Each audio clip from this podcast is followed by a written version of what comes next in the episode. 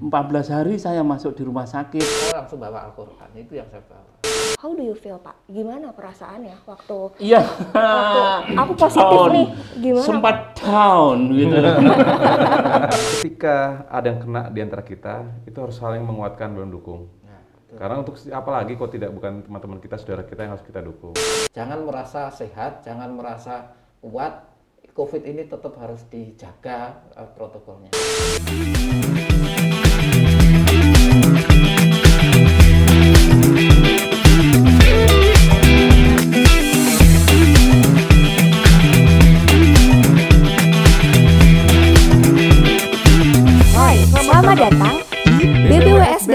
Podcast. Halo, Assalamualaikum. Welcome to BBWSBS Podcast. Dan ketemu lagi bareng sama aku Laksita. Kali ini, di edisi spesial bulan Ramadan, bulan yang penuh berkah, BBWS Bengawan Solo mempersembahkan konten Ramadan Sedekah Ilmu. Dan mumpung masih di suasana pandemi, aku barengan sama teman-teman yang udah ada di sini mau cerita-cerita tentang pengalaman rekan-rekan kerja di BBWS Bengawan Solo yang pernah mengalami COVID-19. Hari ini aku udah barengan sama Pak Agus. Halo Pak Agus. Eh, halo. Sama Pak Is juga. Assalamualaikum warahmatullahi Dan juga barengan sama Pak Panji. Hai. Eh, Oke, sehat semua nih Pak. Alhamdulillah. Kita semua mau mengucapkan terima kasih banyak buat semua teman-teman yang udah setia buat subscribe YouTube-nya BBWS Bengawan Solo, subscribe, nonton dan juga like Instagramnya BBWS Bengawan Solo dan juga dengerin podcast kita. Itu semua yang bikin kita semua semangat buat bikin karya-karya yang pastinya bermanfaat. Dan ngomong-ngomong tentang pengalaman eh, menderita COVID-19, coba nih Pak, dari Pak Agus dulu Pak. Gimana sih Pak pertama kalinya tahu dan kapan? Oh iya, terima kasih ya. Jadi ini kita share mengenai pengalaman. eh pertama kali saya itu sebenarnya gini, eh COVID ini kan tidak bisa diprediksi. Jadi apa namanya unpredictable gitu loh, tidak bisa diukur, tidak bisa diestimasi, ya. Kemudian tidak bisa diperkirakan. Padahal saya sehari-hari itu sudah menggunakan alat pelindung diri, sudah menggunakan sudah mematuhi protokol kesehatan 3M. Tapi ternyata ya kena juga 14 hari saya masuk di rumah sakit seperti itu. Lah, itu mungkin sudah ini anugerah Allah itu ya. Saya dipilih untuk sakit seperti itu gitu. Untuk apa? Mempertebal iman itu kalau boleh tahu Pak Agus tuh kapan Pak? Kenanya bulan apa? Pak? Eh, ingat, ingat sekali saya. Bulan Februari pas itu per- apa peresmian Purwosari jembatan ini flyover Purwosari ingat saya pas Pak Menteri datang saya sakit gitu. Jadi pas itu. Berarti eh, Februari itu bisa dibilang hampir setahun setelah pandemi guncang-guncangnya ya? Iya, setelah guncangnya terus nggak tahu saya sampai di rumah tuh ya biasa-biasa aja tahu-tahu saya nggak bisa apa merasakan menghirup sesuatu seperti itu. Terus waktu pertama kali Bapak dengar kalau Bapak tuh positif. How do you feel Pak? Gimana perasaannya waktu Iya. waktu aku positif Down. nih? Gimana? Sempat down gitu. Stres. Iya. Oh, kok bisa kena gitu loh. Ya kan saya sudah berdoa, sudah sudah berdoa, sudah pakai ini. Saya setiap kali menggunakan apa ini namanya masker, Masker. ini saya kasih ini apa minyak angin putih, itu. kayu putih. Oh ya, kayu putih ya. Kok eh, baunya minyak angin ini nggak bau apa-apa ini loh mati saya. saya ke rumah anak saya di rumah dek papa ini nggak bisa nyium apa-apa no, langsung pergi gitu anak-anak langsung kebebrak pintunya pergi gitu. Saya diusir sama anak saya suruh tidur di mana nggak tahu saya. Jadi orang yang pertama kali dikasih tahu siapa nih Pak? anak saya di pas ketemu pas saya di rumah itu ada anak saya di ruangan gitu dek papa nggak bisa bau ini ya kamu masih bau nggak Eh, lah ya itu terus langsung diusir aku pergi Responnya orang yang pertama kali tahu gimana Pak? ya takut eh, ya Shock ya wah, pasti ya? menjerit gitu kayak Mas Panji itu shit gitu menjauh eh. Oke. Kayak Mas Panji itu orangnya kan ini apa namanya sangat ini apa trauma nggak tahu apa ya gitu kalau ketemu orang set gitu orangnya sama gitu Kalau jaga jarak ya Jaga Pak ya. jarak. Iya banget. Walaupun Pak Gobel tetap jaga jarak ya Oh iya Pak ya. jangan jarak itu mudah-mudahan dia nggak kena. Amin. Nah saya itu kenanya juga didoakan sama ini Mas Es ini. Kok bisa Doa Pak? nggak- tahu begini kok bisa ya? Supaya nanti kalau saya sakit itu seperti di ini apa namanya pemali juana. Kalau kepala bulan sakit nanti kantor di lockdown dua minggu. bisa pulang Surabaya, Pak Ali bisa pulang ke Jakarta, Pak Sita istirahat di Jogja gitu. Waduh Pak, tapi waktu Pak Kabalai positif tuh kita semua teman-teman di sini sedih sih Pak. Ah, masa Sedih. sih? Iya, sedih. bener, Pak. Iya. Malah doain malah nanti tambah. Sedihmu kayak apa sedihmu? Kalau Pak Is kapan Pak? Kenanya tuh kapan? Ya, saya kenanya 26 Maret kayaknya. Oh, belum lama ya, 25 Ya, Maret. baru Mbak. Ya, sebulan ini. Ya. Heeh.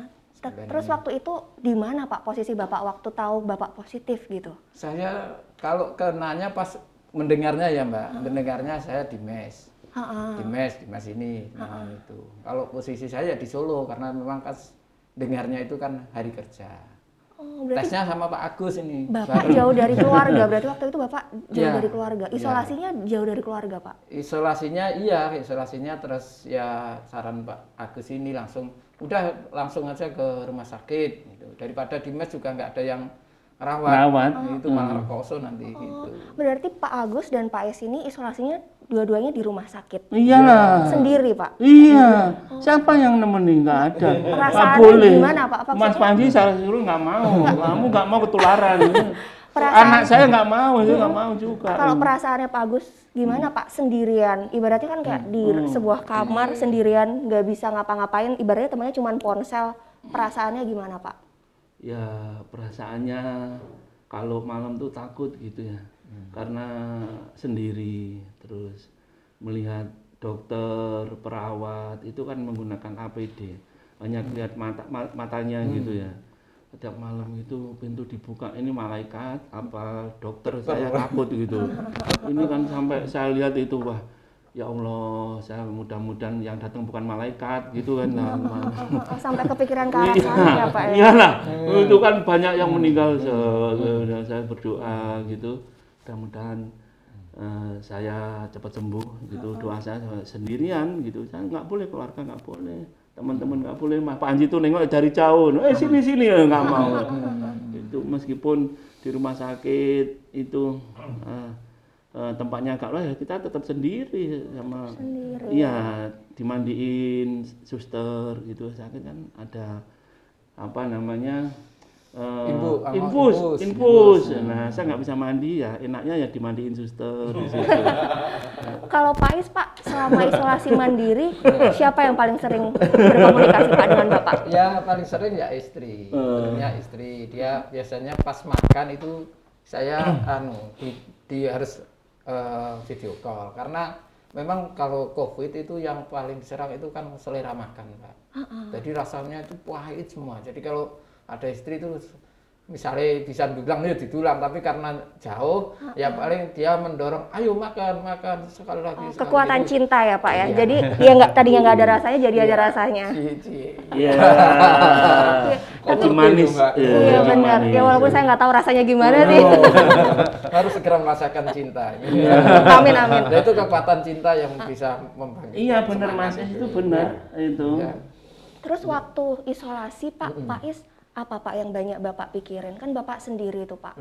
Terus saat itu mungkin juga lagi sibuk, Iya. lagi mengerjakan sesuatu. Waktu itu sibuk mikirin apa Pak waktu Ya isolasi? kalau tugas mungkin saya terima kasih ya nih teman-teman me- mendukung, mensupport. Jadi begitu saya sakit kayaknya wis ojo dihubungi. Jadi ini termasuk Pak Panji ini kan saya ucapkan terima kasih karena memang pekerjaan kami ini kan juga berkaitan erat dengan teman-teman di lapangan. Jadi begitu saya kena ya sudah kayaknya sudah di off gitu.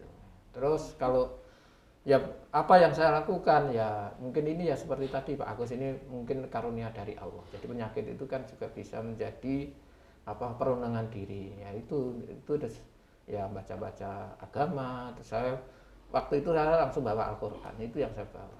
Oh, jadi kayak Nah. justru momen isolasi itu momen mendekatkan diri sama yang di atas ya, Pak ya. Ya. Nah, Pak Panji ini kan alhamdulillah waktu itu posisinya sehat ya Pak. Dan Sehat. nggak kena. Tapi gimana Pak perasaan Bapak, sahabat-sahabat deketnya loh Pak pada kena COVID. Rasanya gimana Pak waktu Mas itu? Panji itu dewa penolong kita. Enggak lah. Itu yang sehat. Ya, itu juga yang Jadi gini Mbak, jadi tiap Jumat sore itu, Jumat sore itu kan pasti Sabtu Minggu itu kami pasti dengan keluarga ya. Jadi Jumat sore saya biasakan selalu rapid test. Nah Pak Agus ini rajin sekali kadang-kadang, Ji, colok, kadang colok hidungnya, aman dan eh, aman, pulang. Itu tiap Jumat. Nah kemudian waktu itu saya ingat sekali Kamis, Kamis itu ke Gresik, satu mobil dengan Bapak. Ketemu mau Bapak, kemudian Jumat sudah mulai meler-meler, Sabtu-Sabtu, Ji, sini Ji. Mukanya udah merah begitu, udah gak enak banget. Terus minggu-minggu, Ji, sini Ji, aku di rapid Ji, Eh, katanya. Kenapa Dan? Agak panas. Terus meler. Makasih Dan. Nggak berani. Makasih Dan. Eh, Makasih sudah akhirnya dan saya kirim aja ininya rapidnya bapak tes sendiri. Aku nggak mau dicolok-colok sendiri ya. Dulu masih yang colok, bukan yang ludah. Akhirnya ya sudahlah dan diludah aja. Wah, Dudah sut. Setelah diludah hasilnya dikirim ke saya. Hasilnya tuh gambar kambing aku positif. kaget ya pasti ya Pak ya? Saya sebenarnya udah sudah agak curiga juga ketika beliau hari Sabtu. Hari Sabtu beliau sudah mulai mukanya udah merah sekali. Merah sekali udah mulai meler-meler. Wah, sebenarnya udah badannya sudah mulai ngedrop ya. Kemudian Sab Minggu katanya panas, kemudian mulai meler, minta di swab dan sendiri dan takut. Biasanya- biasanya biasanya Mas Panji ini yang nyolok itu saya gitu. Nyala, anu, tes. Tes. Kehilangan juga nggak Pak? Temennya pada isolasi, Iyalah. Bapak ke kantor sendiri ada rasa akhirnya kehilangan nggak hilang juga. Waduh, bapaknya nih gimana? Kemudian juga Pak Is juga, aduh. Lalu juga kemudian pertamanya bapak ini kalau Pak Is mungkin masih agak kuat kemarin badannya. Kalau bapak kan tiba-tiba pas mau masuk rumah sakit aja Iya. nggak mau. Aku udah sehat nih. Wah. Sampai akhirnya ditelepon sama Pak Menteri langsung. Pokoknya kalau nggak masuk rumah sakit tak seret. Karena Pak Menteri mau ke sini kebetulan. Nah, kemudian akhirnya beliau masuk rumah sakit. Seingat saya beliau ini eh, sudah mulai batuk-batuk, Wah, sudah mulai kadang-kadang fikol-fikolan. Kalau mulai curiga gue, wah bapaknya kok ngapa ya? Sudah mulai naik gitu, mulai batuk-batuk dan lain-lainnya. Terus akhirnya ada masukan dari dokternya bukan sebenarnya bukan masukan ya. Ada Saran. solusi, solusi. Solusinya untuk mempercepat infonya pakai kovalen. Nah, nanti kovalennya monggo nanti mungkin Pak Agus sama Pak Is nih sudah merasakan bagaimana sebenarnya manfaat kovalen. Karena ada satu lagi teman kami, teman kami yang sudah hampir sudah ada halusinasi ya, macam-macam akhirnya diberi kovalen bisa sehat juga. Oh, tapi apa Pak yang bikin Pak Panji terketuk? Kan Pak Panji kan posisinya juga deg-degan ya Pak. Aduh gimana nih kalau aku juga kena? tapi kenapa Pak Panji terus tergerak untuk melakukan kebaikan itu, nyariin kovalen sana sini itu kenapa Pak? Apa yang bikin Pak Panji tergerak melakukan itu semua? kalau namanya kita itu tidak eh, berkawan itu tidak hanya Saat- di kantor ya karena itu kan namanya nanti jadi keluarga nantinya jadi ketika ada orang dekat kita saudara dekat kita yang kena itu langsung ah, langsung aduh. Nah itu harus selesaikan. Eh, selesaikan bagaimana? Kita cari solusinya satu persatu. Kemudian nanti yang cerita kovalen sebenarnya panjang sekali ya itu mencari kovalen itu ternyata waktu awal-awal sekali itu tidak semudah yang kami bayangkan. Karena kami harus mempunyai stok stok darah plasma kovalen. Tapi nanti ceritanya mungkin setelah dari Pak Agus ini bagaimana dulu butuhnya kovalen, Pak Is bagaimana butuh kovalen nanti baru saya cerita lebih lanjut. Oke, gimana tuh Pak Agus? Gimana dapat kovalen? waktu Oh itu? iya, itu kan saya eh, waktu masuk terus kemudian batuk gitu ya, tersengal-sengal sampai mau ke toilet gitu rasanya sesak sekali gitu. Saya batuk gitu, dok ini kok batuk nggak nggak apa nah nggak sembuh sembuh ya itu covid seperti itu. Dikasih obat apa pun nggak bisa. Nah ini coba nanti uh, harus menggunakan donor plasma konvalens itu ya. Terus kemudian tolong teman-temannya atau keluarga untuk mencari siapa pendonornya. Minimal lima gitu. Lima orang yang disiapkan. Waduh karena kan satu menurut pengalaman dokter-dokter itu kalau satu orang aja uh, masih belum karena ini kan screeningnya ketat gitu cocok nggak ini nggak? Terus kita siapkan Mas Panji. Yeah. nyiapin orang cari gitu ya. Kemudian ada lima orang dicek. Yang pertama alhamdulillah itu masuk gitu ya. Jadi waktu saya itu perasaan saya uh, saya khawatir sekali wah nanti lima orang nggak masuk gitu loh. Tapi ternyata satu orang berarti Allah masih sayang sama saya gitu. Satu orang aja udah cocok gitu. Ini cobaan. Nah ketika diambil darahnya saya dimasukkan itu ada 600 sekian cc dimasukkan dua kali. Satu dua tiga hari hari ketiga dimasukkan keempat kelima badan sudah enak itu nah itu hmm. sangat penting sekali. Jadi pengalaman untuk uh, donor plasma itu sangat penting sekali. Nah, kami yang sudah apa penyintas hmm. itu membuat grup kita list semua daftarnya.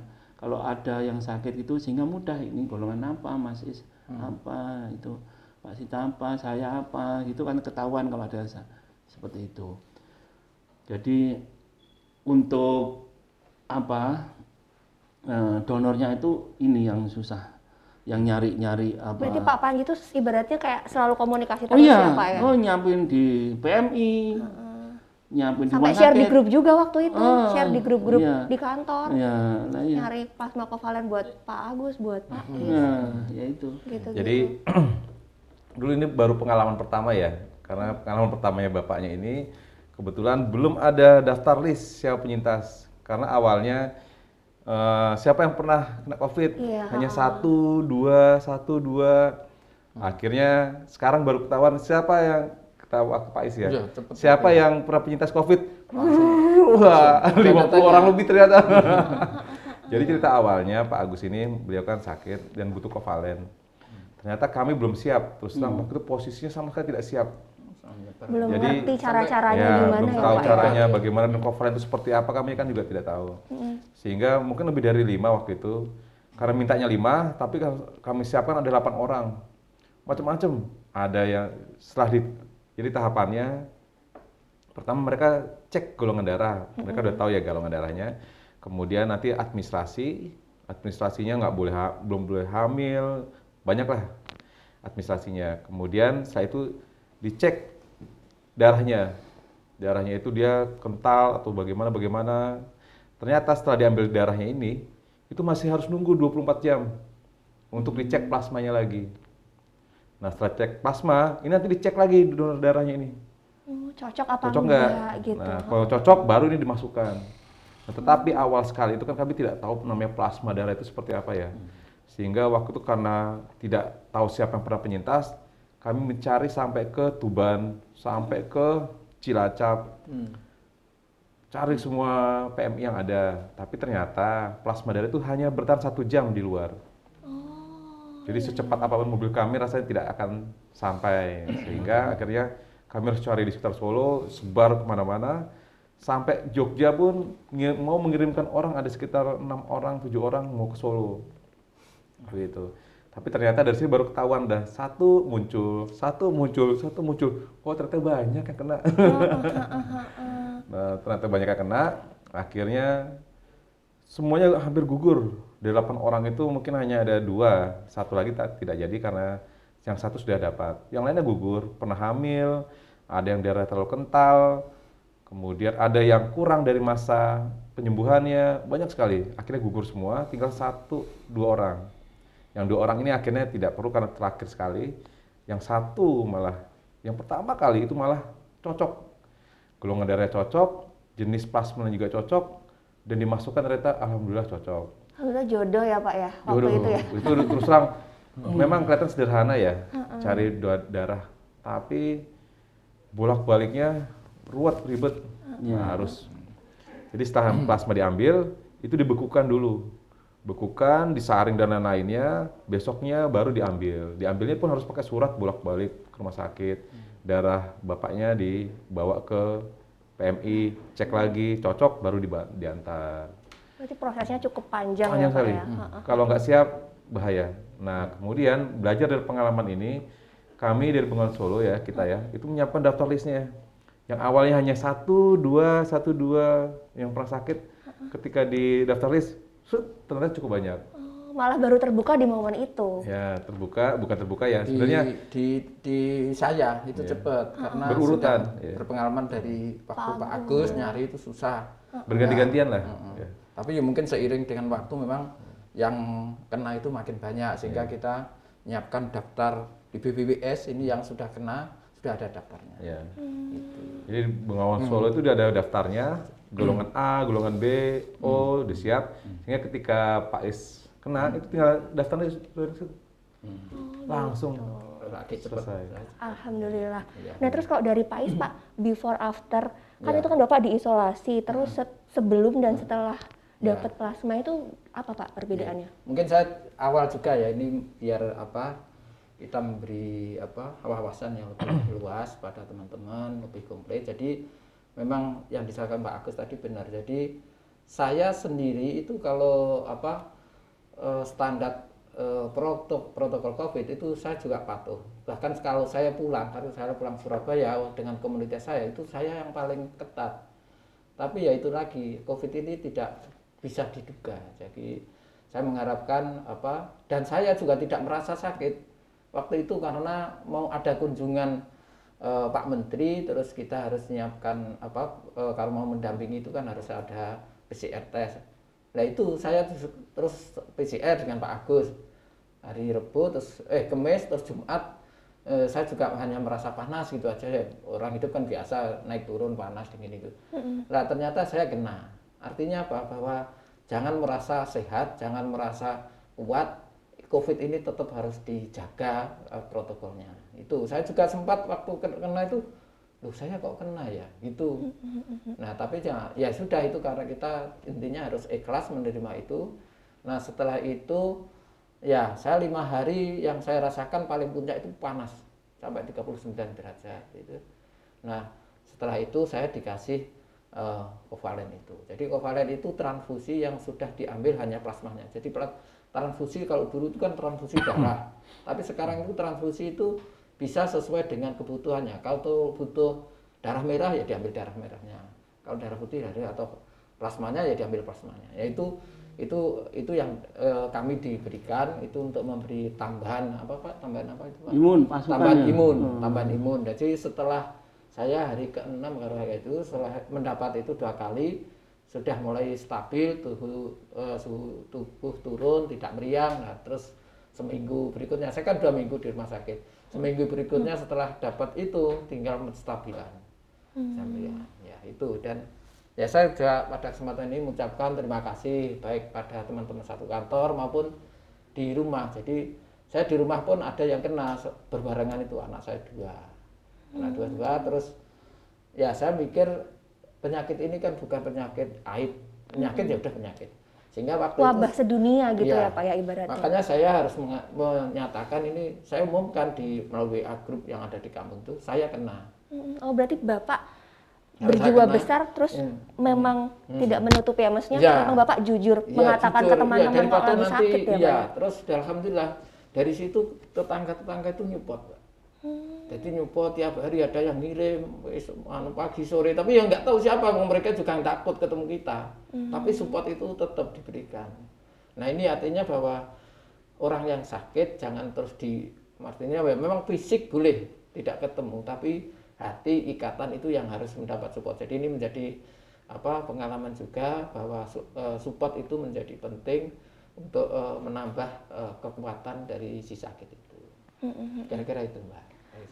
Kalau Pak Agus waktu itu setelah dapat plasma kovalen kan Pak, itu kan terus Hmm. penyembuhan-penyembuhan ya Pak. Hmm. Terus hari keberapa Pak Bapak dinyatakan sembuh dan perasaannya gimana Pak pas dinyatakan sembuh kembali gitu? Oh iya, ada tahapannya itu kan saya masuk itu nilai CT-nya itu 26 kemudian berikutnya dicek setelah plasma itu di swab lagi nilai CT-nya berapa gitu Iya. Tiga delapanan. tiga dia kan ada Belum. sebelumnya itu 32 Belum. atau berapa ya? Belum, mendekati. belum. Belum, belum. Saya doa terus itu. Waduh kok masih positif gitu. Terus itu habis plasma tapi badan saya enak Sudah gitu. plasma, iya. Heeh, terus sebelum pulang itu sudah 39 alhamdulillah. Tapi penderitaan di rumah sakit itu yang saya rasakan ya saat apa dirawat itu kan Puncak-puncaknya itu rumit ya Pak, kan ya ada grafiknya itu ada ya Pak ya. grafiknya. Itu Jadi yang saya harap tuh jenengan jangan sakit lah semuanya karena Amin. sehat itu kan anugerah Allah yang luar biasa itu ya. Jadi waktu saya sakit kena COVID itu eh, apa namanya ya tadi saya rasakan eh, puncaknya ya Pak ya. Iya. Napas. Sesak, napas dikasih oksigen seperti itu terus tak di ini apa namanya di coblos itu bolak-balik ya. sama untuk infus tiap pagi itu dimasukkan apa empat suntikan di sini ya Di antivirus vitamin terus, Terus apa lambung, lambung lambung itu ya. Eh, Terus ya. seperti itu jadi eh, apa eh, sangat apa ya eh, kalau kita ngarani kemeng gitu ya Iya. cuma itu dosi kabeh jadi Heeh. sampai sekarang itu masih nah, terasa. sini ini. cari sini pindah Hmm. gitu Nah, dapat suster yang nggak pengalaman kadang ya ora iso langsung dapat ya ganti-ganti itu. Nah, itu dicek pakai apa oksigen itu yang Nah, kadar, ya. kadar oksigen, kadar oksigen. tiap hari, ya, tiap hari? ya, tiga sore kali ya. siang tiga kali ya. di, yang 95 nilainya harus di atas di atas 95. itu. Kalau kalau enggak nggak nanti boleh. di oksigen terus. Oh di oksigen boleh- terus. Ya itu. Jadi tiap hari dicek eh, tensi temperatur suhu Sama tubuh itu kekentalan pak kentalan terus ronsen ronsen itu ada flek apa enggak itu seperti di- itu. di- Jadi itu jangan main-main lah sama covid itu rumit gitu dan menderita sekali gitu kalau sakit teman-teman tuh ya harus hati-hati gitu. Terus akhirnya kan Bapak sembuh, Pak. Hmm. Waktu sembuh itu gimana, Pak? Ya sembuh ini saya alhamdulillah gitu saya sangat bersyukur.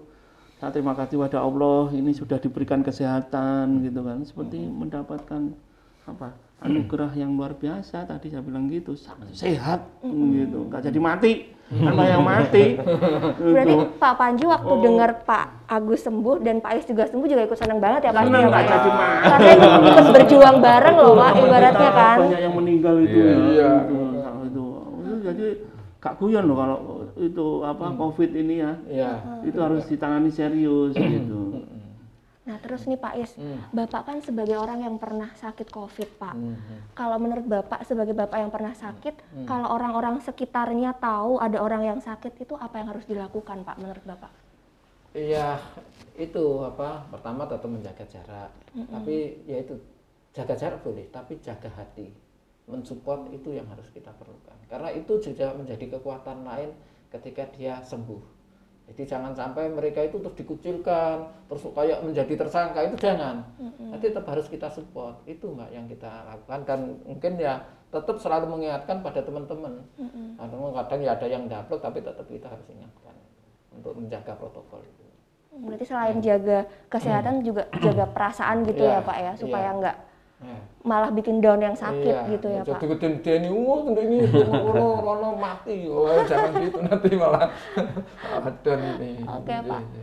Kalau dari Pak Agus Pak, dari semua yang udah terjadi nih Pak, Hmm. hikmah terbesar apa Pak selama sakit terus sembuh? Jadi kan ibaratnya kan eh, perasaannya tuh kan kayak di apa ya ibaratnya lagi dikasih kayak roller coaster ya Pak ya. Ada sedih, takut, senang itu hikmah terbesarnya apa Pak untuk diri sendiri? ya itu hikmahnya saya harus selalu mendekatkan diri kepada Allah gitu. Ya hikmahnya mungkin saya jauh kemudian Allah mengingatkan saya atau apa. Karena karena saya kurang tidak kurang apa dalam apa untuk menjaga kesehatan COVID ini. itu.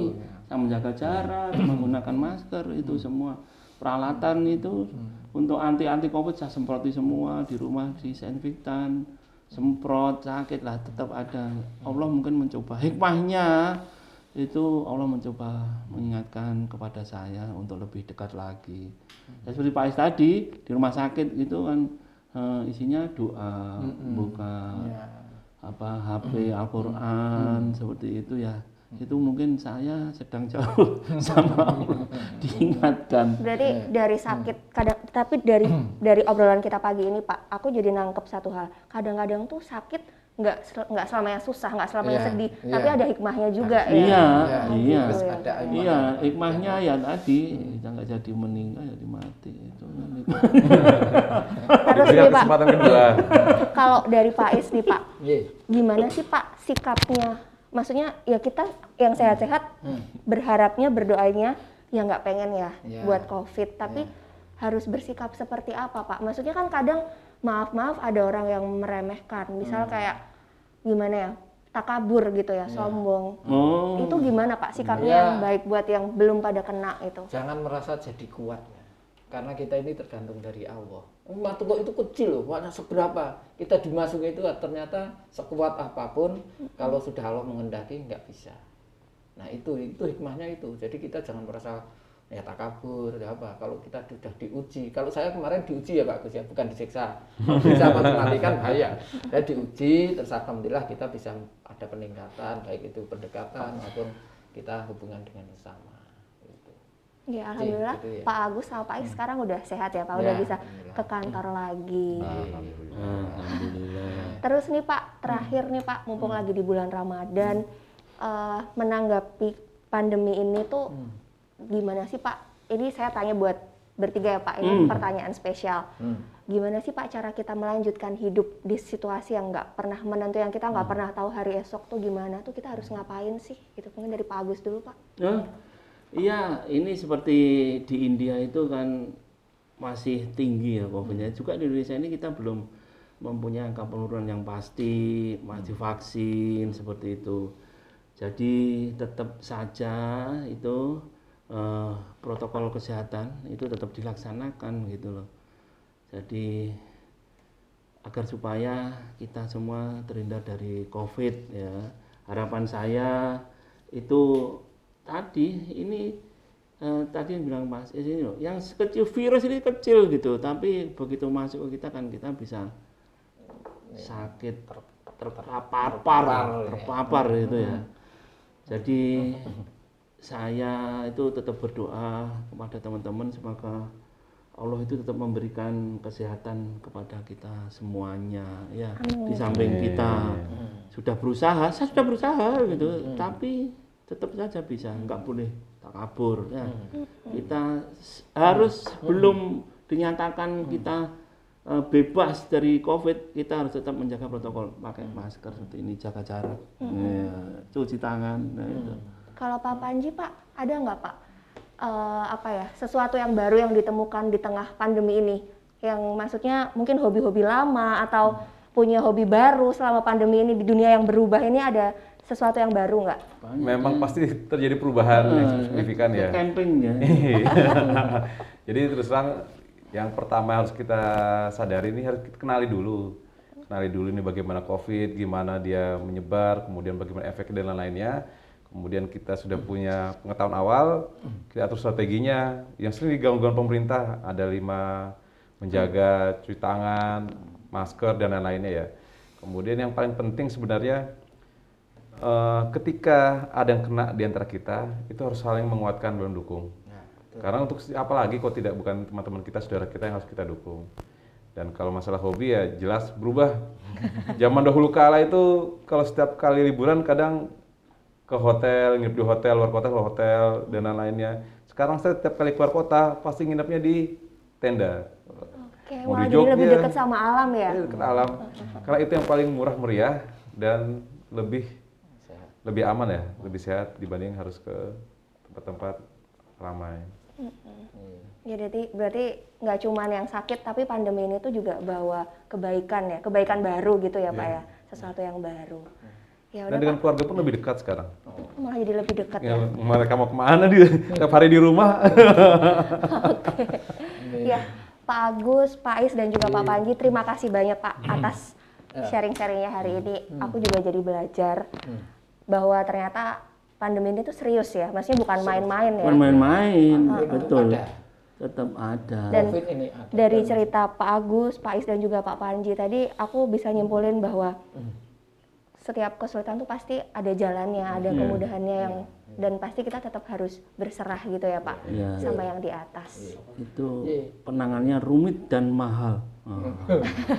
iya kalau udah masuk rumah sakit mahal itu Oke Pak, Pak Agus, makasih ya Pak. Pak Is juga terima iya, kasih. Yeah. Pak Panji juga terima kasih iya. dan terima kasih untuk teman-teman yang setia untuk nonton podcast BBWSDS.